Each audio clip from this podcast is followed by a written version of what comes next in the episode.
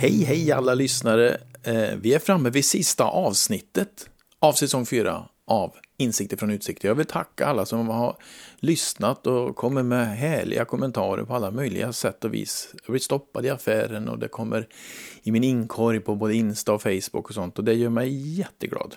Det här med att podda kan vara det roligaste jag någonsin har gjort. Så jag ska verkligen försöka fortsätta.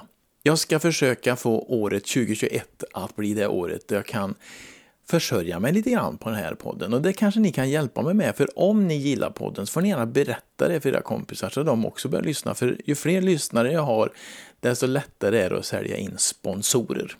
Säsongens sista avsnitt eh, kommer bli väldigt speciellt.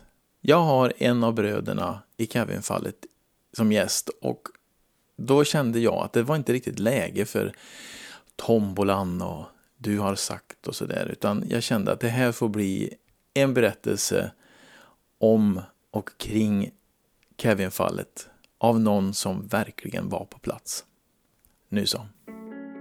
16 augusti 1998 hittas den då fyraåriga pojken Kevin Hjalmarsson död i Dottervik, Arvika.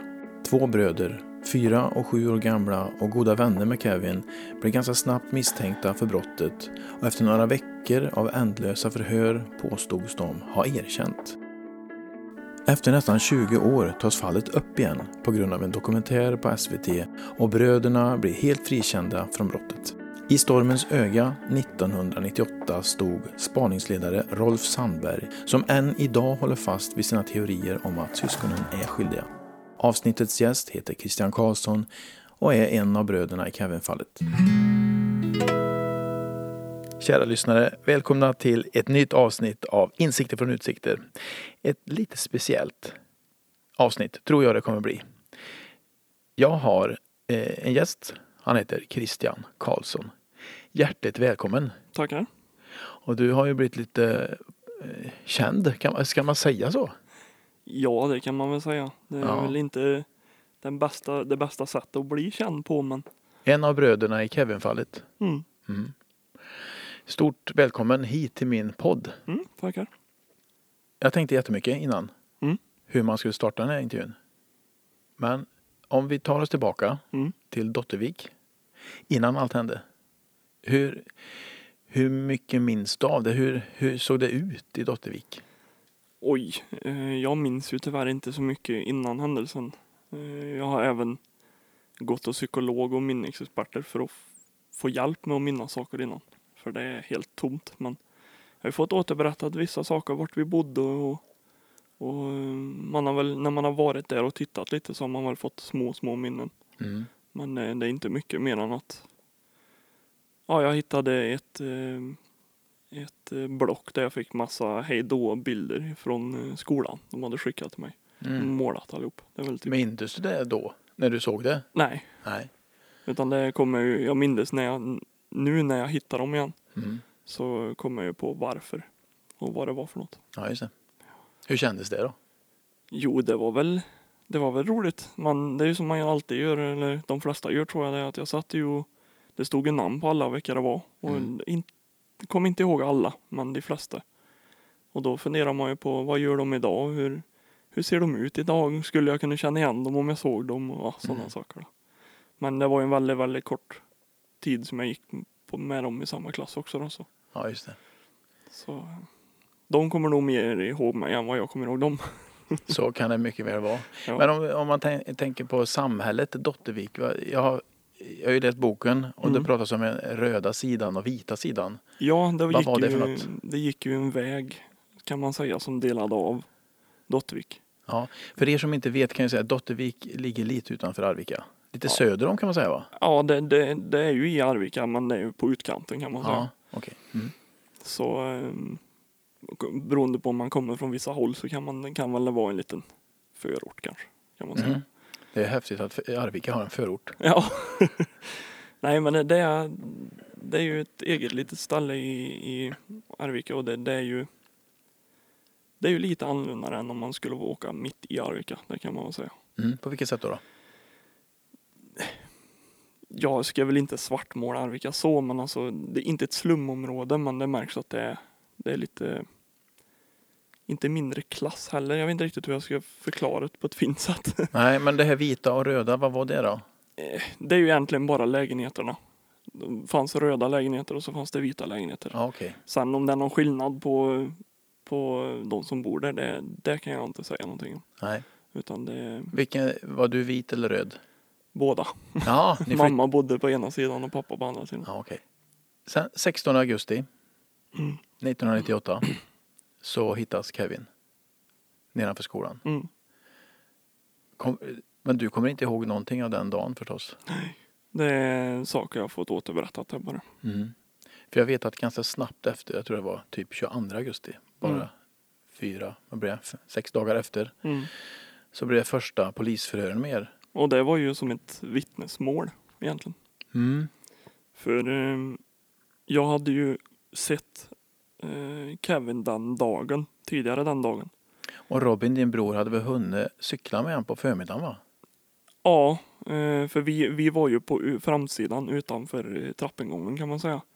Fanns det en liten sandlåda och någon gunga där och där kastade vi ut sand och åkte och sladdade med cyklar och sådär liksom och lekte och då hade han ju kommit förbi där, Kevin.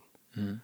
Eh, sen jag kommer inte ihåg om, han hade, om vi hade umgåtts med honom, men det, jag vet i alla fall att han kom förbi och frågade om vi ville göra någonting och vi sa att vi skulle iväg senare så vi fick inte åka någonstans. Just det.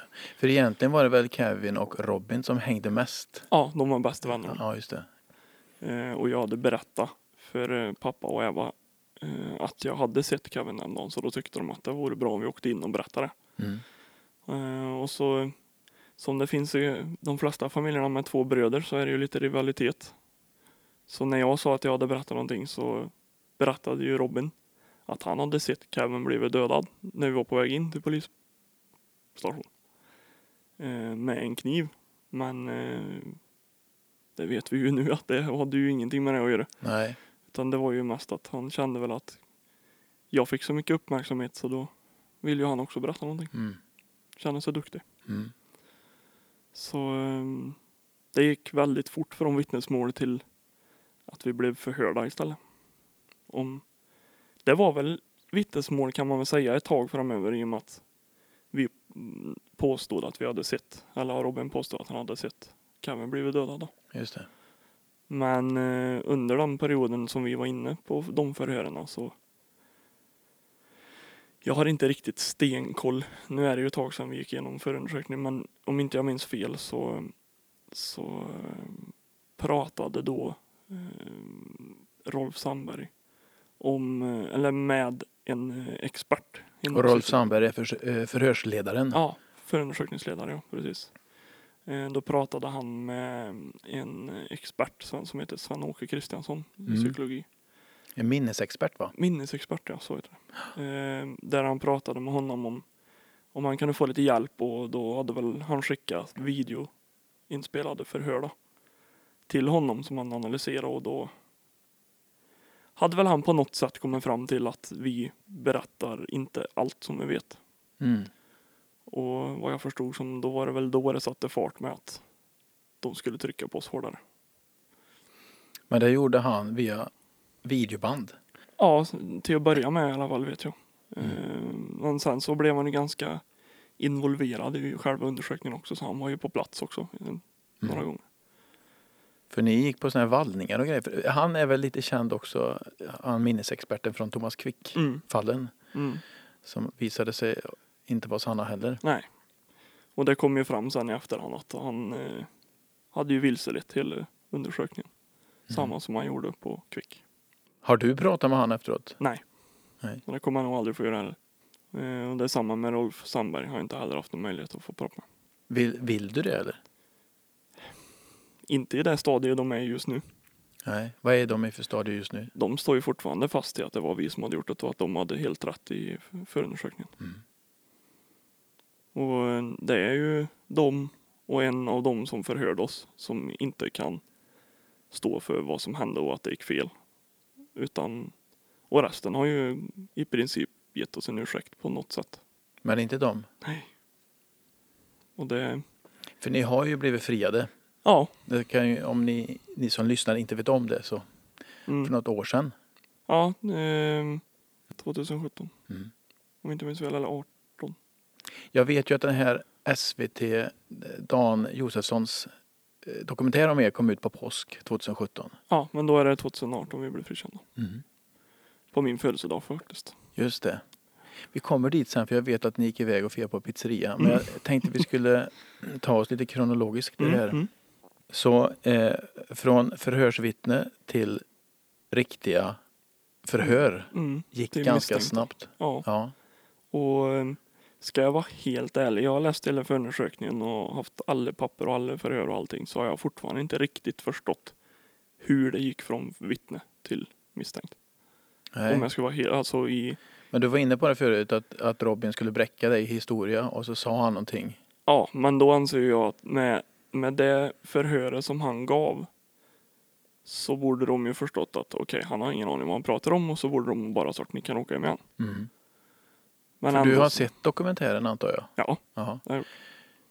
Eh, för jag satt ju och tittade på det där och det kröp ju skinnet på mig när jag såg de här mm, ändlösa. Fast det fick man ju inte se på, på dokumentären men man förstod ju att de var långa, långa, långa, långa förhör med små barn. mm. Hur kände du när du tittade på det? just när jag fick reda på det och såg det för första gången så jag fick ju se snuttar av det eh, första gången jag såg förhören och inte jag, jag hade ju ingen ork att sitta i flera timmar och titta igenom allt det där. Nej. Eh, men eh, Dan hade gjort en sammanfattning då till oss så vi fick se lite snuttar ifrån dem och när man såg de första så borde man ju Alltså då tycker man ju att de som jobbar med det här borde förstått redan där att det här är ingen idé. För de Nej. kommer inte ge oss något. Nej. Eh, Men eh, sen eh, Nu kommer jag inte ihåg exakt men jag tror det var 16 eh, I slutet, eller i mitten på december så blev vi inbjudna till att åka upp till Branäs med SVT eh, och få allting framför oss i en, en stor sammanfattning och då eh, då hade han skrivit upp hur många ledande frågor det var i varje förhör, hur långa förhören var Eh, ja, men lite sån här mm, allmän information om själva förhören och gjort en sammanfattning av allt det där. Och det var ju då man insåg vad sjukt det var. Mm. Eh, när mitt längsta förhör var fyra och en halv timme utan föräldrar. Och hur gammal är du då? Sju år. Och Och det längsta enligt lagen som var då, 98, eh, var att man fick sitta 30 minuter som Mm. barn i förhör. Men det har aldrig tal på att, att de ska stå till svars för det här. De här långa, även om de fortsatt säger att de har gjort rätt i sak så har de ju då brustit i lagen med att förhöra er så länge. Mm. Vad hände med det? Det är ju det som är problemet i Sverige just nu, är att det är ju 10 års preskribering. Ja. Men som vi har gått ut med och även trycker i det här skadeståndet. Det är ju det att vi hade ju inte kunnat sökt förrän vi var fria. Och det var ju 20 år efter. Mm. Så då anser jag att preskriptionen borde börja den dagen vi blev frikända. Och vi hade inte kunnat sökt inom 10 år för då var vi inte myndiga. Nej.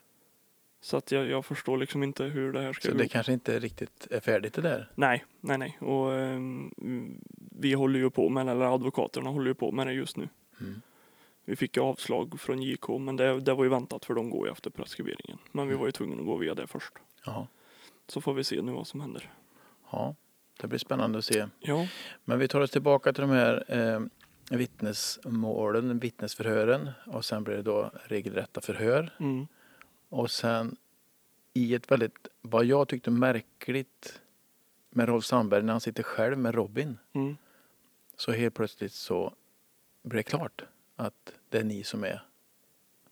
ja, alltså när det blev klart då satt ju jag, eh, Robin och Eva i, eh, i hans kontor. Mm. Och det som är det konstigaste av allt, men jag tror man lägger man upp ett så förstår man ju vad det är som har hänt. Men det konstigaste av allt är att vi sitter i hans kontor och där påstår han att erkännandet har kommit.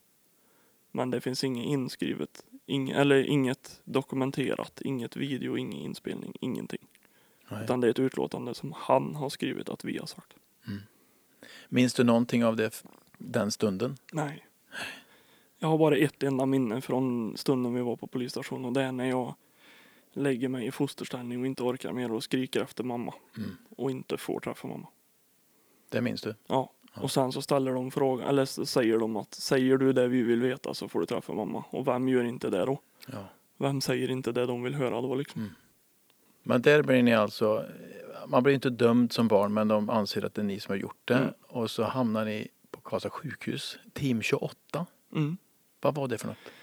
Vi blev inslussade på eh, en egen avdelning på psyket. Eh, Vi blev inte inslussade för att vara på psyket men det var där avdelningen fanns om man säger så då. Mm. Så inte det låter fel. Men. eh, Där vi, eh, de drog ner alla persienner så att inte journalister och media eller andra människor skulle se att vi fanns där. Eh, Så det var så neddragna som sagt var för alla fönster. Eh, Vi gjorde jag vet inte hur många undersökningar vi gjorde. Vi fick göra röntgen, vi fick ha massa elektroder på oss runt hjärnan för att kolla aktivitet. Vad letar de efter? Vet du det? Nej, om det var något fel på oss. Ja. Och det komiska i efterhand är ju att vi kom ut med blanka papper. Mm. Det fanns ju liksom inget fel. Vi hade ju inte ens eh, någon diagnos överhuvudtaget. Det, liksom, det fanns ingenting. Jag vet att bland annat så blir ni il- ilurade kontrastmedel. Mm. Vi- Vad var det de sa då? Att det var saft eller? Ja, till mig, jag skulle bli nersövd. Och så fick jag en medicin som, skulle, som jag skulle somna av och den var ju röd, såg ut som jordgubbssaft och de sa att det smakade som jordgubbssaft. Och det gjorde det verkligen inte, för jag kommer ihåg att jag sitter med handduken och försöker torka av smaken ifrån tungan efteråt. Mm.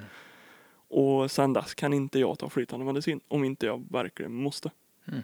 Det går inte. För det, Vad var det de skulle hitta på då? då? Att de skulle, ska de röntga dig förstås? jag tror det var en röntgen då. Mm. Ehm, jag kommer ihåg att jag blev jättegod i huvudet. Eh, för jag vet att jag pratade med mamma strax innan jag somnade om alla möjliga konstiga saker. Mm. Men just det att nu var jag ju så liten men det blev ju som ett svek. Alltså det skulle ju smaka jordgubbssaft. Mm. Men det gjorde det inte. Och, och varje gång jag tar flytande medicin, spelar ingen roll om det är lakritssmak eller bara ren medicin så smakar det den smaken. För när man läser boken så känns det ju som att det ett gäng vuxna som inte riktigt vet vad de gör. Utan det här är ju helt nytt i Sverige. Eh, och det är fort, alltså man har ju inte, nu var det ju inte ens ni som dödade Kevin, Nej. men man tror det. Och det är helt nytt. Så man, det finns ju inga rutiner eller någonting.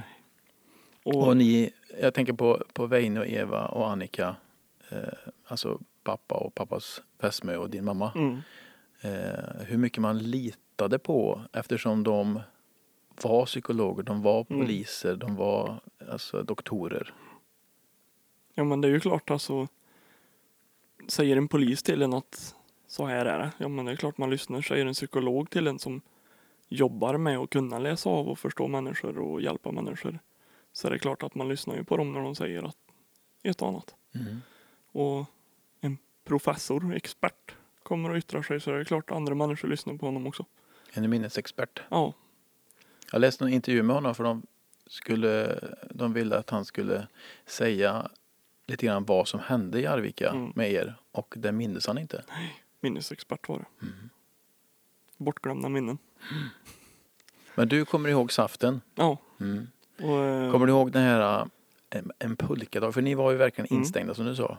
Med neddragna persienner. Sen så fick ni någon sjuksköterska som förstod att det här kan inte vara bra för barn. mm.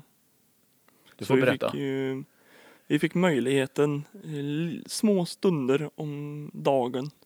Inte varje dag men ibland fick vi gå ut och umgås bakom själva lokalen vi bodde i. Mm. Så att inte det skulle synas. Och det var korta stunder för att inte någon skulle se eller hitta oss. Vad var de rädda för? Ja, jag vet inte. Det var väl mest de ville väl inte att, att median skulle vara för mycket på oss. Eh, eller att någon som ville oss illa skulle hitta oss vart vi finns. Så nej, jag vet faktiskt inte. Alltså, jag hade ju inte klarat median som sjuåring som jag klarar idag. Så det kan man förstå att de... Det kanske var något väldigt bra det i och för sig. Ja, och... ehm, Men Alltså, ni fick å- åka ut och åka pulka? Ja, Var det grillkorv och sånt också? Eller? Nej, alltså det var precis utanför fönstret i princip. Den lilla kullen som vi hade där. Ehm, och medans när vi inte fick vara ute så var det ju liksom att sysselsätta sig inomhus i en liten lokal liksom. Hur länge var ni där, Team 28? Oj, ehm, sex månader, runt, runt ett halvår ungefär Ja. eh, vet jag. För sen avlöste det med den här Operation Trappsteget. Mm, Det vet jag var första april 99. mm, Som ett väldigt dåligt aprilskämt. ja. För vad innebär, innebar eh, Operation Trappsteget? ja, första fick vi höra att nu skulle vi få komma ut ifrån sjukhuset Mm. och börja ett riktigt liv. Men eh, ett riktigt liv kan jag väl inte påstå för vi blev satta i en lägenhet på Fräneshöjd. Ehm, eh, Jag, min bror, pappa och låtsasmamma. I, ehm, Men problemet var att vi hade ju personal med oss dygnet runt för de bodde ju i en lägenhet i samma trapphus. Ja, Ehm, Så att vad vi än gjorde. för han, den här psykologen Bengt-Göran Johansson var väl med där också? mm, jag var ju hos honom bra länge efter det. Ja. Ehm, Och i boken står det att det, det var inte så mycket till hjälp till er utan mera fortsatta förhör. Ja, det förstod man väl inte då. Eh, Men nu i efterhand så förstår man ju det för att han analyserade ju vad jag lekte med för leksaker på mötena, hur jag betedde mig, allt liksom skrev han ju ner. Och ni har aldrig fått svar på vad, vad, de, vill, vad de letar efter? Nej, det var väl om vi var våldsbenägna Ja. eller något sånt. Alltså se på ett mönster hur vi betedde oss eller något sånt där. Men jag anser att vilken leksak du väljer i en sandlåda har ingenting med hur du är som person. Det, jag ser ju själv på min son, han kan ju välja en leksak ena dagen när han är jättearg. Så, men sen när han är jätteglad så väljer han inte den leksaken. Och sen nästa dag så är det tvärtom. Så det har ju liksom ingenting med hur han är som person. Mm. Det är bara vad han känner och leker med. Jag har ingen lust att ringa upp han Johansson och diskutera. Jag har försökt. Ja. Mm. Jag, eh, strax innan, eller när det kom ut att vi skulle ha dokumentären så pratade jag med honom och frågade om han ville ta en fika. Mm. För jag ville förklara, eller träffa honom och, och prata med honom personligen och säga att jag har ingenting emot honom som person. För eh, han var min bästa kompis genom hela den här proceduren. Så känner du alltså att han Ja. var din bästa kompis? Ja. Förklara varför. För att jag, jag såg ju inte han som en psykolog eller att han satt och analyserade mig, för det fattar ju inte jag då. Mm. Utan jag såg ju som att jag fick ju göra det jag skulle göra när jag var barn. Jag fick leka med han, jag fick jag menar, han hade sandlåda och massa leksaker och vi fick vi hitta på saker tillsammans och så det liksom, man fick göra det man borde få göra när man var liten liksom. Mm. Eh, Men jag har ju fått mer information nu i efterhand som gör att att ska jag vara rak och ärlig så tycker jag inte han ska jobba med det han jobbar med. Nej. Men som Gör han det fortsatt? vet ej, jag har inte fått kontakten för jag pratade med en då som sagt var och ville träffa honom på en fika. Pratar ni i telefon då? Ja, Mm. eh, och då sa han att ja men vi absolut men vi kan väl vänta tills avsnitten har sänts. Sa han då. Och då tänkte jag att ja ja men han är väl han är väl rädd att jag har sagt eller att vi kommer att säga någonting dumt eller något sånt Mm. eller, eller att han vill inte säga något förrän han vet vad vi vet. Till exempel. Eh, Så sa han, jag hör av mig efter sista avsnittet. Ja, sa jag. Det blir bra. Så la vi på och sen har jag inte hört något mer. Känner du dig besviken på honom att, han- att han inte hör av sig? Ja, alltså jag skulle säga att jag är inte besviken över hur han betedde sig då. Eh, för jag är inte långsynt, alltså jag, det där släpper jag. Eh, Det är ju ganska stora ord ändå för att... Jo, men jag menar, det är ingen som visste vad som försiggick där överhuvudtaget. Jag tror inte ens de som jobbar med det förstod själva vad de gjorde. Alla gissa. Ja, och de gick ju på en Tyvärr en person som styrde ganska hårt med järnhand. Då var det någon som sa emot han så fick de gå därifrån. Mm. Nu det- är det Rolf, Rolf Sandberg, ja. du pratar om. Ja. Så då menar jag att det är klart att de följer hans direktiv och ingen hade gjort det förut så det är klart att om någon säger att så här är det så är det klart de följer det. Mm. Och, så jag tycker inte om det jobbet han utförde, Bengt-Göran. Men eh, som person är han helt underbar. Mm. Men det här operation trappsteget, hur länge höll det på? Oj, två, år 2000 flyttade pappa och Eva och Robin till ett hus. Mm. Så ett, ett år ungefär kanske. Mm. Eh, Och då flyttade de till Vårberg Vårberg, ja precis. Och du och och- mamma flyttade till Kil. Ja, och under den tiden som vi bodde i lägenheten där så bodde ju mamma på Orrholmen i Karlstad. Mm. Min egen lägenhet. då. Just det, när ni bodde i det här äh, Ja, Frödingshöjd. ja. Mm. Och under den perioden så var det ju bestämt att vi skulle bo på skilda håll, jag och Robin. Mm. Vem bestämde det? Socialen tror jag. Mm. Eh, just på grund av att För tanken din var pappa ju... Weine var inte så sugen på det. Och det var ju det att jag tror innerst inne var det ingen som var sugen på det. Nej. Men eh, vissa var ju mer att de, de gick med på allt som sades. Mhm. Och det förstår jag, för de blir hotade med att annars blir ni av med barnen. Mm. Så eh, då har de ju inget val än att säga okej. Så eh, det var ju väldigt, väldigt, väldigt nära att vi hamnade i fosterhem, både jag och Robin. Mm. Men eh, det var ju familjer som hade tackat ja till att ta emot mig och Robin. Och då skulle ni åka som ett brödrapar? Eller skulle ni vara en varsin familj? Mm, nej, vi skulle åka som två olika om inte jag minns fel. Ja. Ehm, och det som blev då var ju att när de väl fick reda på vilka vi var sen och vad vi hade gjort så sa de nej. Mm. Och det är jag glad för idag. Ja, För det var ju egentligen anledningen varför vi fick stanna kvar hos våra föräldrar. okej. Mm. Ehm, på ett villkor att vi skulle bo på olika håll. Mm. Och vi sitter ju i Kil nu, Mm. Kil Arena. Mm. Och här, eh, vad gammal var du då när du kom hit? Då måste du varit en nio? Jag började, jag gick slut fyran, Ja, gjorde jag.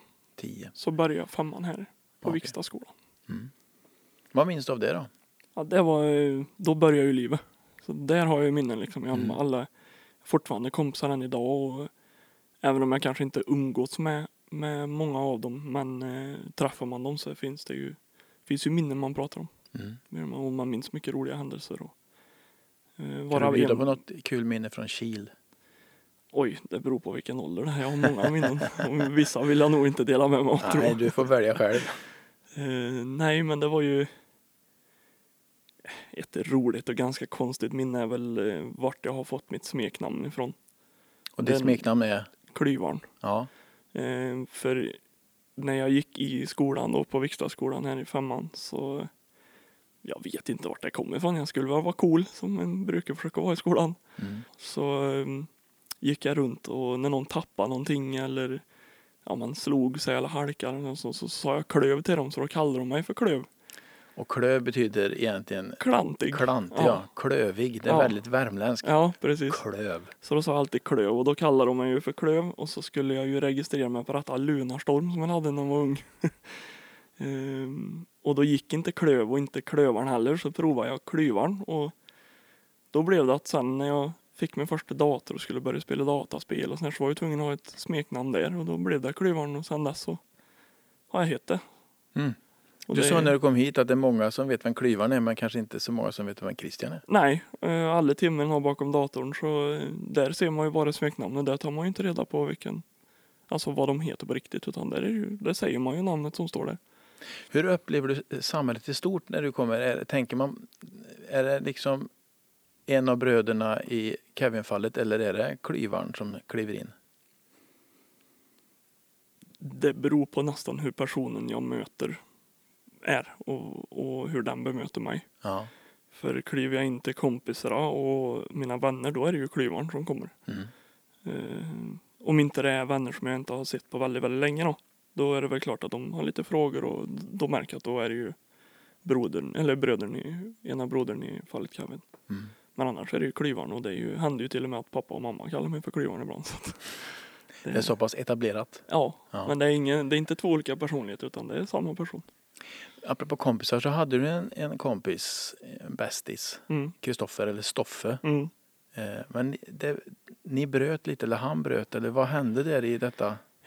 Jag har väl inte riktigt inte pratat med henne, eller vi har inte pratat så mycket om det utan vi har mest att vi har vi umgicks jämt och ständigt. Sen flyttade ju vi, men vi fortsatte ju umgås. Eh, Även när ni var uppe på sjukhuset och det här att Nej, in- inte på, de kommer väl hälsa på om inte jag minns fel, men inte mer än så, utan det var ju mest när vi kom ut sen ja. eh, och bodde på Fröns höjder. Men eh, jag och Stoffe var jämlika och hans broder och min bror var ju jämlika. Mm. Så vi umgicks ju liksom tills vi var, ja fortfarande. Eh, Men det var, Var det en- han som ringde vid något tillfälle och frågade varför gjorde du det? Mm, och jag skulle jättegärna vilja höra vad jag svarade. Jag frågan också men han minns inte. Nej. Ehm, Men det var ju en period där som vi umgicks tills jag hade fått moped vet jag. Sen så då var jag hemma hos honom och så började jag må dåligt så jag åkte därifrån. Och efter det så hördes vi inget mer.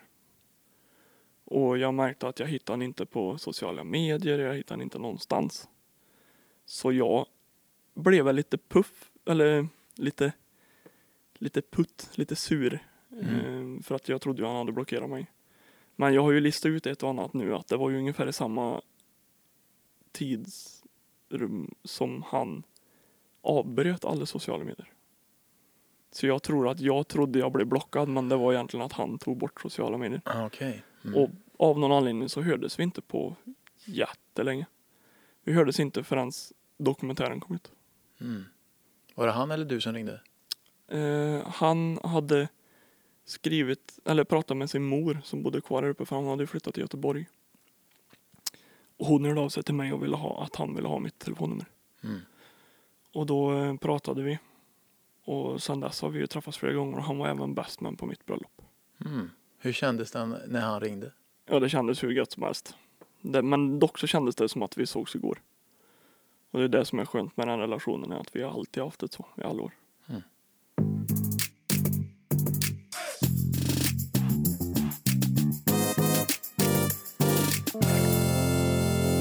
Sponsorsnack. När vi var en småbarnsfamilj så åkte vi mycket bil. Det var till sommarstugan på ostkusten, till Kolmården, till Liseberg och familjeföreställningar på Göta Lejon i Stockholm. Vi hittade ganska snabbt ett ställe som hade allt det där vi behövde när vi skulle äta och sträcka på benen lite. McDonalds. Otroligt så många McDonalds vi besökte på våra resor. Rena toaletter, mat som alla åt med glädje och lekrum där ungarna kunde springa av sig. Så perfekt. Detta var verkligen en oas för unga familjen Hallqvist på 90-talet. Och det känns ju nästan lite löjligt att nu, typ 20 år för sent, tacka McDonalds för att de fanns där. Men tack ska ni ha. Och McDonalds finns ju fortfarande för er unga familjer som är ute och reser och behöver fylla på eller hälla ur. Eller hur? Och de finns ju där för unga människor som en fantastisk möjlighet till första jobbet. Och med det sitt första CV. Och på tal om jobbmöjlighet så finns ju McDonalds där också som en smältdegel för människor från världens alla olika hörn. Som ett första insteg i det svenska samhället. McDonalds som en gigantisk integrationsmotor. Det kanske man inte tänker på i första tanken. Men det är precis vad det är. Så för dig som vill äta snabbt och gött, få ett första jobb eller vill bidra till en naturlig integration. Gå till McDonalds. Möjligheternas företag.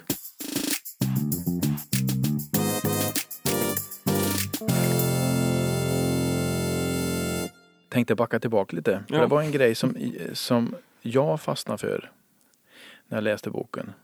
Och du var inne på det redan i början när du förklarade, eller när du beskrev att eh, du och Robin och höll på att kasta upp grus utanför där ni Mm. bodde för att sladda med cyklar. Och Kevin kom förbi.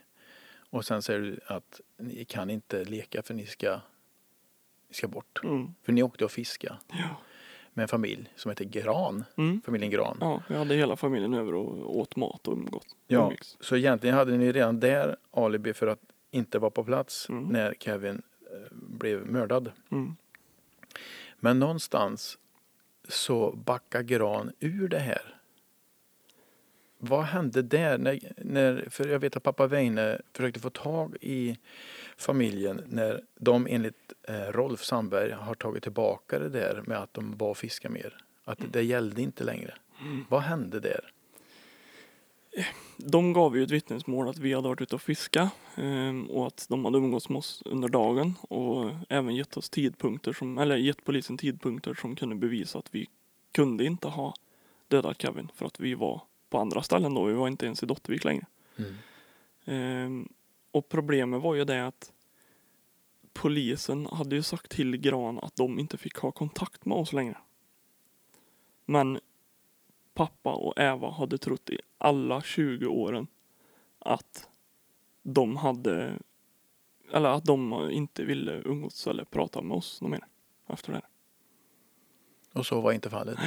Och Men vad hände med vet- vittnesmål? Blev det tystat på något vis? För Ja, För det var ju ju- ändå, förlåt att jag avbryter, men Ja. för det var ju ändå det som ni blev friade på sen. Att det fanns ett bensinkvitto på Mm. att ni faktiskt var på en helt annan plats. Eh, och, och ni var ju ute och fiskade, men det, det här kvittot på att ni hade tankat bilen eh, blir ju det som bevisade på att ni var, ni var ju inte i Dottervik. Nej. Så det var det jag funderade på. När försvann, för de sa ju som sagt till polisen att ni var iväg och fiska och gav dem tidpunkter. Men sen så försvann det där ur protokollet på något vis. Mm. Och jag har inte grävt dit till hundra procent men något som är lite konstigt är ju på grund av det här med alibit. Det är ju att personen, jag nämner inga namn, men som jobbade och förhörde alibit var inte med hela vägen. Okej. Och Vad menar du med det? Hon var inte med i hela förundersökningen och problemet som är där är att när den personen försvann ifrån förundersökningen så försvann även alibiutlåtandet. Mm. Och det är flera stycken som har yttrat sig om att de visste inte ens om att alibit fanns och de jobbar med det här fallet. Och det är, är återigen, det, fa- det känns som det landar i Rolf Sandbergs knä det här. Att det är något... Det gör ju det. Mm. Och jag av egen information, eller fått egen information av eh, några som känner den som jobbade som åklagare med vårat fall. Och han visste inte om vittnesförhör förrän dokumentären sändes. 20 år senare. Det är ju väldigt mycket som hamnar tillbaka på Rolf Sandberg. Mm. Är du inte arg? Nej. Hur är det möjligt? För att om jag går runt och är arg nu så, så kan jag inte leva framåt och leva mitt liv som jag vill. Mm. Det där är något som hände för 20 år sedan och ja, det blev fel. Personer, jag ska väl inte säga alla, för de blev ganska styrda, men vissa personer i förundersökningen borde väl ha kunnat tagit ett djupt andetag och insett att det här är inte rätt. Det är väldigt moget att, att resonera så. Har du fått hjälp att komma dit? Nej. Det där fixar du själv. Mm. Jag har aldrig varit sur. Jag har bara velat fått svar. Ja. Och har när jag har fick, Weine varit sur? Har Eva varit sur? Har Annika varit sur? ja, pappa och Eva är ju fortfarande irriterade över det som har hänt. Och att de har satt. Det är väl egentligen mest för att de har gett mig och Robin den barndomen som vi fick. Mm. Och eh, de är sådana personer så de släpper nog inte det i första dagen. Och sen är det väl lite grann som du var inne på några gånger. Du begrep inte riktigt heller vad du var med om. Även om det kunde vara tråkigt ibland så upplevde du ändå att han var din bästa vän. Mm. Så jag är väl, Den här kuratorn pratar jag om nu. Alltså ja, vad Bengt heter- Göran ja. Bengt-Göran Mm. Johansson. Ja. Så jag var ganska glad över att det hände när det hände. Om Mm. vi säger så då. Hade det hänt senare så hade det nog kunnat förstört hela livet. Ja. Jag tänker på Weine som ändå var vuxna. Och Eva och Annika också som Mm. var vuxna i det här. Att det, det, tog, tog djupare på dem. Ja, det kan jag nog tänka mig. Och sen just att vi har ställt flera gånger, eller jag i alla fall har ju ställt flera gånger till både pappa, Eva och mamma. Eh, hur de har orkat. Mm. Och så Vad, som vad, Eva vad som, de då? då? Men de gjorde det för våran skull, de var tvungna att orka. Mm. Så det är ju varför, eller tack vare dem som jag och Robin har haft den uppväxten och att vi är de vi är idag. Mm. Utan dem så hade det aldrig gått. Hade vi hamnat i en fosterfamilj så vill jag inte veta hur mitt liv hade sett ut. Mm. För, ja, för radar man upp allting med, från det vi börjar med vittnesförhör som blir förhör och så vidare, team 28, operation trappsteget och så Mm. vidare och så vidare och bo isär och så där. Så är det ju väldigt, alltså för mig när jag tittar på dokumentären, jag hade ju heller ingen aning, jag hade ju Robin i skolan Helt. eh, och det enda jag förstod när jag, alltså att han, han mådde ju inget bra. Nej. Det syntes ju Mm. tydligt och klart. Mm. Men att det berodde, vad det berodde på visste ju inte vi. Nej. Så för mig eh, föll ju massa saker på plats när jag såg dokumentären. Mm. Varför Robin hade det så kämpigt på högstadiet. Ja, och sådana personer som du som har haft Robin och, och läkare och sådana här man har varit runt omkring och inte kunnat säga exakt vad som har hänt. Som har ju aldrig kunnat fått den hjälpen och förståelsen Nej, förrän nu. För jag vet jag pratade några gånger med Robin och pratade med kuratorn i skolan och så där, för att då trodde man att det var att han satt uppe på kvällarna och Mm, nätterna och mm. spelade tv-spel. Och, Han fick mycket skit för det. ja. Men det var ju Och- något helt annat. Mm. Och jag som, som gick datagymnasium och allt det här, jag stod ju på sidan av och såg Robins uppväxt och skolgång och han fick ta mycket. Mm. Fick han göra. Men jag stod ju bredvid och insåg visste att det har ingenting med det ni säger att det har att göra liksom. Nej. Till alla de Och så fick ni inte säga något. till alla de människor som jobbar emot han. Och Ja, för som jag var inne på, alltså radar man upp allt så har det ju varit ganska... Ni har ju gått igenom väldigt mycket jobbigt som väldigt många slipper gå igenom. mm, Finns det någonting gött eller positivt ur det kan du se som du har fått med dig eller är det bara nu blev det så här och så får man bygga vidare på det eller hur känner du? Det finns väl två saker egentligen som jag, som jag tycker ändå har gett någonting bra och det är ju för det första är att våran familj är ju starkare än vad jag... Jag ska inte säga att den är starkare än någon annans familj men vi klarar det mesta. Och sen eh, som jag har alltid varit lite, inte lat men jag vill väl helst vänta med att göra saker som är jobbigt. Men det är ju det jag alltid har känt nu och nu har jag ju facit i hand på det att det löser sig alltid. Hur dåligt det än är så löser det sig alltid. Mm. Jag vet att eh, mamma Annika fick på BUP en fråga gång på gång på gång på gång. Mm. Vad är, vad är viktigt att lära ens barn? Mm. Nu har du själv ett barn, Mm. Maximilian. Ja. Vad skulle du svara på den frågan? Vad är det viktigaste som du som förälder lär ditt barn? Att man är aldrig värdelös vad man än har gått igenom. Skulle han må dåligt och känner sig dålig så betyder det inte att han är dålig. Och det var ungefär så som jag kände mig under uppväxten att jag är en väldigt tävlingsinriktad människa och det har jag varit ända sedan jag kunde gå i princip och jag har väl aldrig varit den som har varit bäst i något. Men jag har aldrig gett upp och jag har alltid gjort det jag tycker det är roligt. Och om någon säger till mig att jag är dålig så har det aldrig rört mig. Och det kommer inte röra mig än idag. Jag vet nu om mina begränsningar och vad jag är bra och dålig på. Så nej men det, det är viktigt att lära alla barn tror jag att alla är bra på någonting och att hur dåligt det än går så behöver du inte ge upp för det. Allt går om man vill. Mm. Ditt förhållande till Robin? Dunder. Mm. Vi gör allt i princip tillsammans fortfarande. Pratar ni någon gång om det som hänt? Eller har ni släppt det?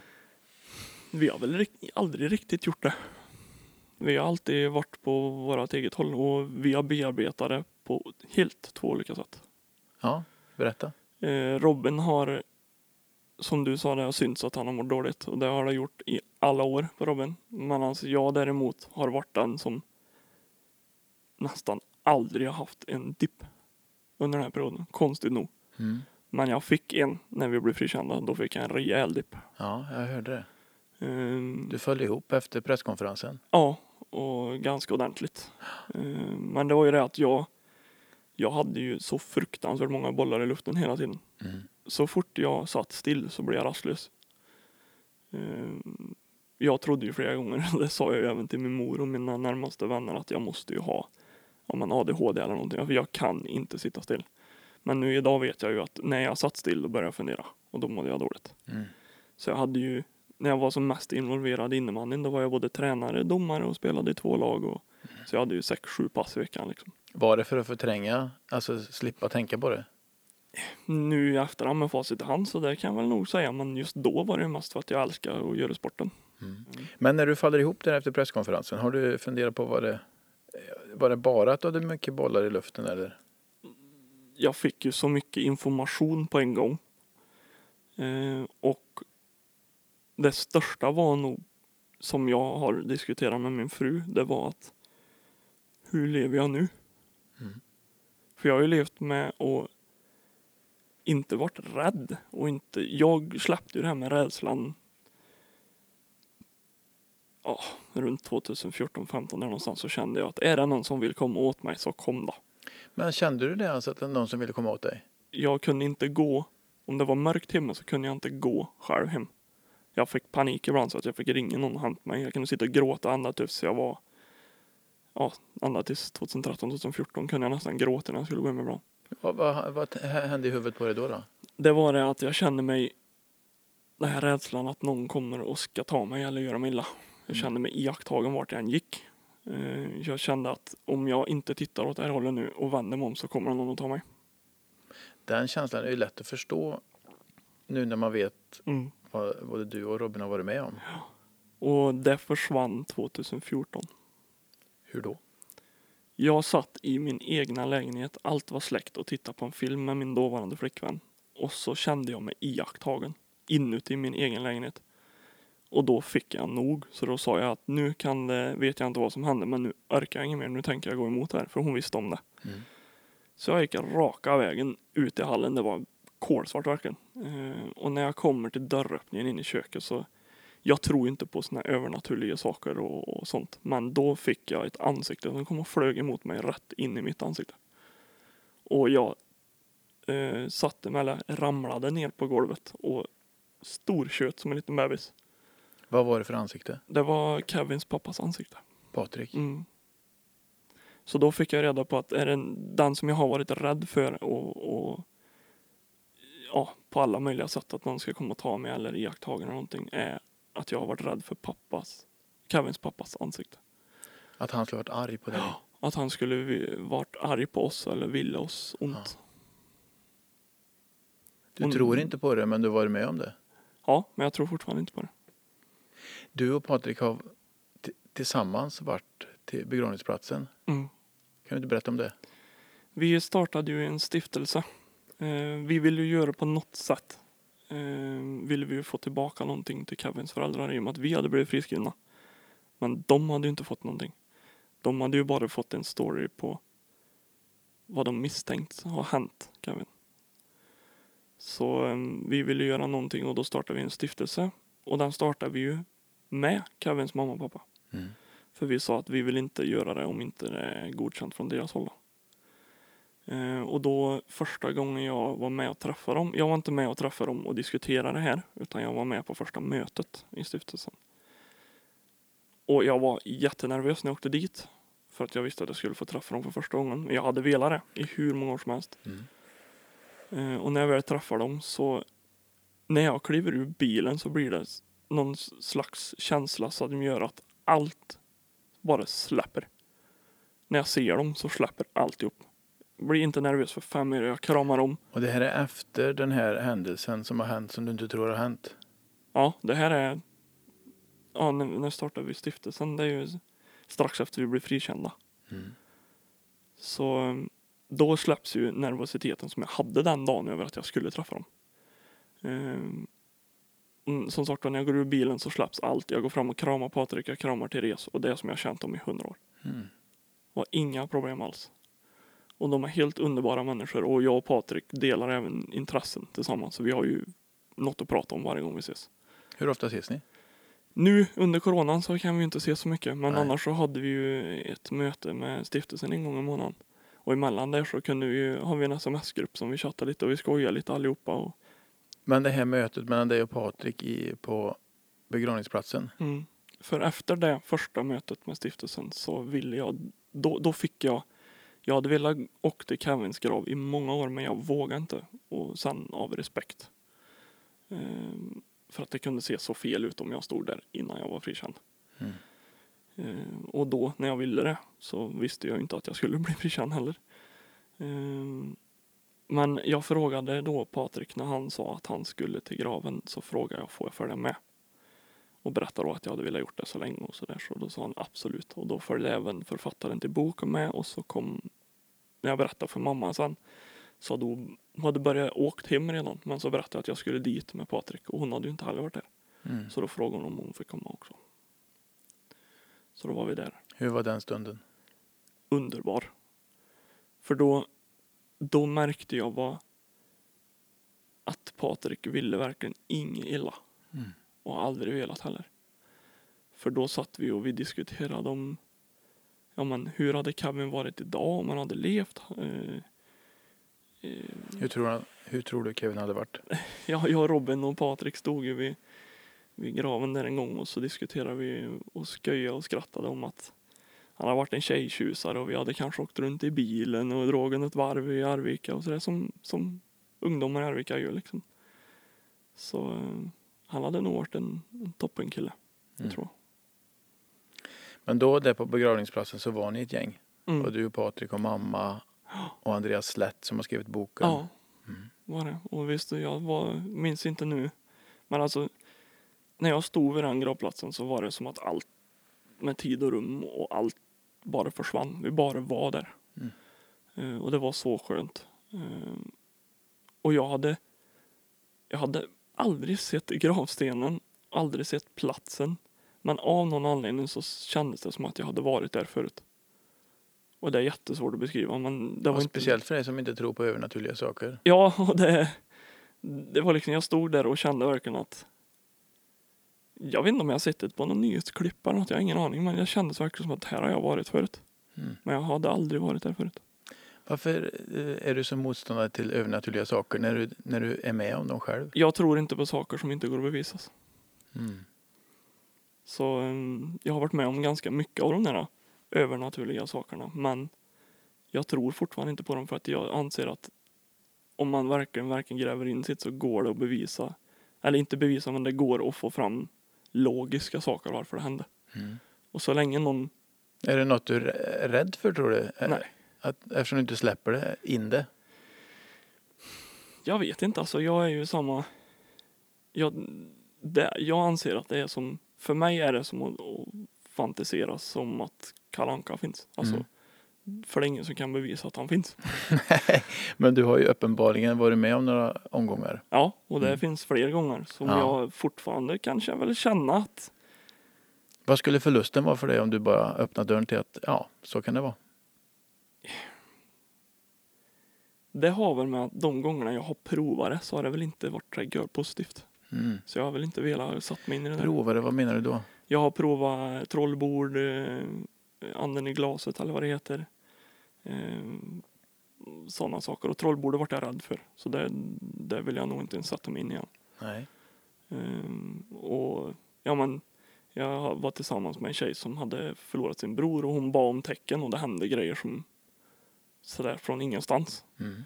Eh, Som jag då i stunden kunde ändå börja tänka logiskt att ja men det kunde ha varit det här eller det kunde ha varit det där. Men just trollbordet får jag inte ihop. Jag får ändå inte det än idag och jag känner bara att jag har hört så mycket historier om, om människor som får kontakt med helt fel människor. Mm. Så jag vill inte ha med det där att göra. Okej, men då kanske du tror på det men du, du blandar inte in, du vill inte vara med i det. Nej, och det är just att det kan mycket väl vara så, men det är nog också att jag, jag vill inte tro på det. Nej. För eh, jag, nej, alltså jag, ser man det inte, rör det inte eller kan känna det så finns det inte. Mm. Det, Fast ändå finns det där. ja, på något sätt gör det väl det. Ja. ja. Ni lyssnare får ju tro vad ni vill. Jag tror det finns massa saker som vi inte förstår. Ja, Och det- jag är helt med dig att vi ska nog inte gräva i det. nej, jag alla tror inte, gånger. inte för mycket. Nej. Tillbaka till det där som du beskrev när Patriks ansikte kommer mot dig. Mm. Blev du rädd eller vart det skönt efteråt eller vad, vad Just- blev effekten? I stunden när ansiktet kom så fick jag en panikångestattack. Det var min första. Mm. Eh, och jag fattar ju inte riktigt själv vad som hände. Men efter den incidenten där så har jag aldrig någonsin haft problem att gå ut. Jag kan gå ute nu när det är becksvart, inga problem. Du tog steget över det mörka vattnet. Mm. Jag vet inte vad som hände men skönt var det i alla fall. Du sa tidigare i intervjun att frikännandet kom Mm. på din födelsedag. Ja, Vad gammal blev du den dagen? 27. 27. Mm. Och så firar ni. Mm. Hur firar ni? Vi åkte till Vårbergspizzerian. Eh, där jag och min bror kan man säga har tillbringat många måltider. Vad är favoritpizzan? Eh, capricciosa med kyckling och currykrydda. Ja. Och eh, han jag vet, eh, Hassan då som jobbar där, han har det än idag. Han är vi väldigt nära vän med, både jag och min bror.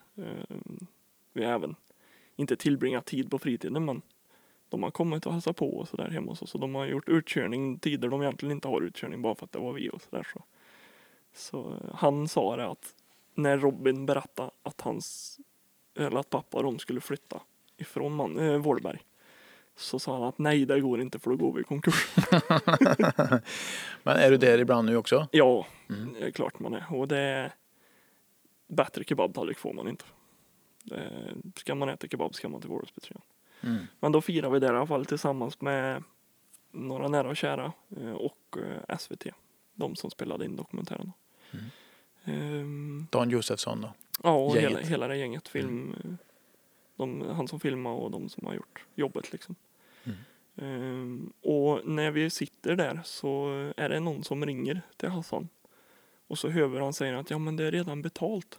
Då är det en från Arvika som ringer till Vårbergspizzerian och vill betala hela kalaset. För att man hade hört på nyheterna och på medierna att vi skulle åka dit. Mm. Så eh, Det är ju intressant. Varför, vad är din relation till Arvika? Eh.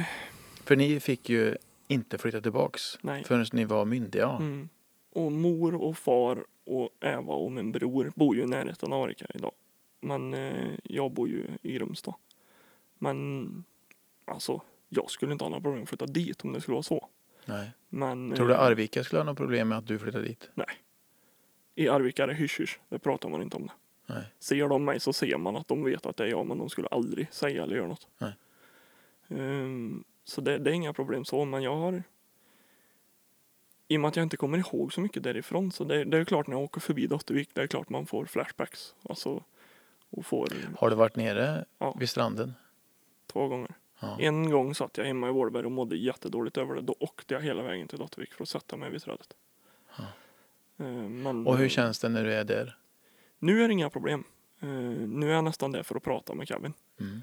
Eh, så, men i, när jag hade mina dips så satt jag ju där och funderade på allt mellan himmel och jord. När du pratar med Kevin, Mm. vad, vad säger du? Vi, jag pratar inte om det som hände då utan jag typ pratar med honom om hur det är idag och vad han gör och vad jag har gjort och Mm. hur det går med stiftelsen och sådär. Pratar du högt eller tänker du? Tänker. Mm. Ja. Återigen intressant eftersom du inte tror på det övernaturliga. Nej, men någon, någonstans försvinner man ju när man dör. Det Mm. gör man ju. Men vart, det har jag ingen aning om. Nej. Tror han lyssnar på dig när du pratar? Det tror jag. Mm. Det tror jag verkligen. Och även om inte han gör det så blir det blir en lättnad Mm. av, på något sätt. För du går inte hos eh, och, och pratar hos någon samtalsterapeut och så? Jag har gjort flera gånger. Ja. Olika sorter eh, beteendevetare och Känner du sådana. dig hjälp, hjälpt? Ja, alltså det skulle jag ju säga. Speciellt beteendevetaren. Den är väl det bästa jag har gjort någonsin. Mm. För det lär jag mig att analysera människor. Och jag gick ju egentligen för att förstå mig själv. Ja. Men eh, just då hade jag ett förhållande också som var väldigt knackigt och det, vi kunde inte diskutera utan att bli ovänner. Så jag lärde mig liksom hur man diskuterar, vad är nyckelorden i en diskussion. Eh, hur man kan se på människor som har en barriär, alltså som mår dåligt men egentligen inte syns. Eh, och det har jag haft jättelätt för och det är väldigt många som har tackat mig för det. Att jag, jag har jättemånga personer som har en fruktansvärt jobbig uppväxt som eh, är jätteduktiga på att hålla en mur. Mm. Och för andra så tycker de att ja, men han ser ju och mår hur bra som helst. Och jag kan se på en bild att nej, det gör han inte. Mm. Så det var det bästa jag har gjort. Det förvånar mig inte. Eh, när du berättar vad, vad, du, vad du ser, även om du inte tror på det, så, så har du ju antenner. Mm, Och de antennerna använder du när du läser av människor. mm. Och det, jag kan säga att de personerna ibland tror inte ens själva på att de mår dåligt. Mm. Förrän vi diskuterar lite och då inser de själva att jo, jag mår dåligt. Mm. Så det är väl det bästa jag gått igenom och jag skulle definitivt eh, säga att mår man dåligt, var inte rädd för att prata med folk. För det hjälper. Och det är precis så det är häftigt som du säger. Mm, Genom att lära känna sig själv mm, så blir man mycket duktigare på att lära känna andra människor. mm. Och man kan hjälpa andra också. Mm. Och det är ju i princip det jag gör konstant och det är det jag vill jobba med. På något sätt. Ska kan inte det vara någonting då? Jo, men vad, det jag har sökt hittills har alltid fått svaret tillbaka, men du har ingen utbildning. Nej, men utbilda dig då. Ja. Men då är det ju det att jag ska ha pengar till det. Mm. Men det finns studielån och grejer. Ja. Så det, Jag har ju dock sagt att ett eh, studielån vill jag inte ta helst. mm. Men vi får se vad som händer. Jag skulle vilja utmana dig i det. Jag har, jag har tänkt på det, kan jag Mm. säga. Du sa tidigare att du har inte pratat så mycket med Rolf Sandberg, men mycket hamnar ju det ändå. Mm. Vad skulle du vilja säga till han? Jag skulle nog nästan säga att jag skulle vilja höra vad han har att säga till mig. Mm. Jag skulle inte sitta och skrika och, och hålla på mot honom utan jag skulle nog bara ställa lite frågor tror jag om varför han är så stönig. Vad Och tror du att det beror på? För att han själv anser att han har fortfarande bevis. Och jag skulle jättegärna vilja sätta mig ner över en kopp kaffe och få de bevisen. Och så skulle jag kunna lämna andra sidan av bevisen. Tror jag. Mm. Jag tror jag skulle kunna ha svar på det mesta han anser. Skulle det kännas som att du fick lite revansch då? Jag har ingen anledning att ha någon, jag har ingen hämnd eller något sånt. Nej, men just att, att få rätt.